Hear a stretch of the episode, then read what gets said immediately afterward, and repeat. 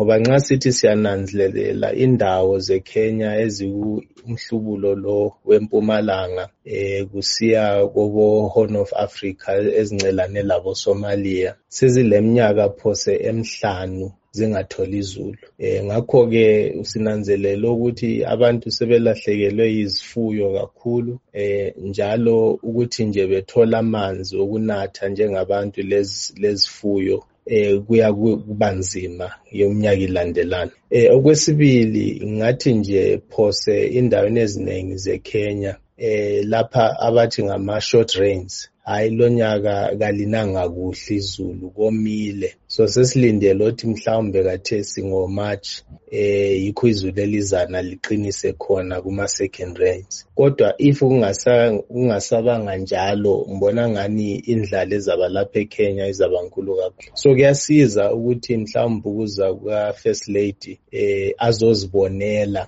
Laye uzafaka amazwi amabili amathathu ukuthi ancedise eh ukuthi uhluphe silalo ngapha luzwakale. Ngoba eh ungathi uyananzelela nxa singathi sikhangela into zo indaba zomumo womkhathi esengikhulume ngazo akumanga kahle. Phezu kwalokho intengo yabomvundisi ufertilizer layo isiqanise kakhulu ngendaba yempi le eyenzakala phakathi kweRussia le-Ukraine. Ngakho ke ukuthi even laba abalimi abathola izulu kumbe abenelisa ukuthi eh, benisele kumbe bethelele nge-irrigation ukuthi bethole eh, ama-inputs kumbe into zokusebenza kuzaba nzima kakhulu kubo so-ke inhlelo eze-US ezifanana labo Feed the Future eh, zizaqakatheka kakhulu ukuthi zisize eh, indawa indaba ye-East Africa ekakhulu eh, iKenya iSomalia eh, and parts of Ethiopia labo labo Tigray. Siyabona njalo ukuthi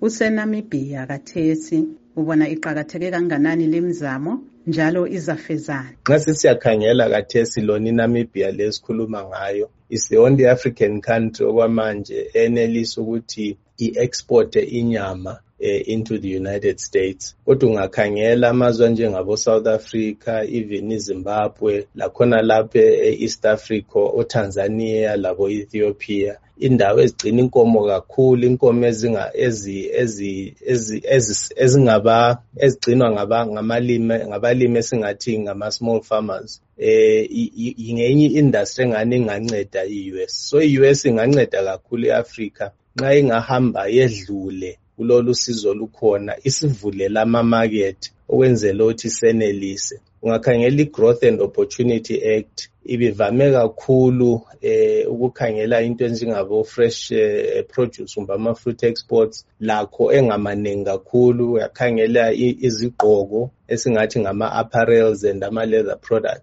Kodwa nxa kuyikuthi i-US ingavula amathuba abe manengi ukuthi sibe lokuthengiselana layo. Mbona ngani ngenye into enganceda ngoba ye i-food security siyayibona. And siyabonga kakhulu usizo lokhona kodwa it's not enough. Eh kufanele ukuthi bavule even amanye amathuba ukuthi senelise eh ukutrade le-US ngizakunika umzekelo i-Australia sikhuluma kanje iyenelisa ukuthi export eh, inyama yembuzi yembuzi ezifika kobo 2 and a half million eh, goats eh, into the United States.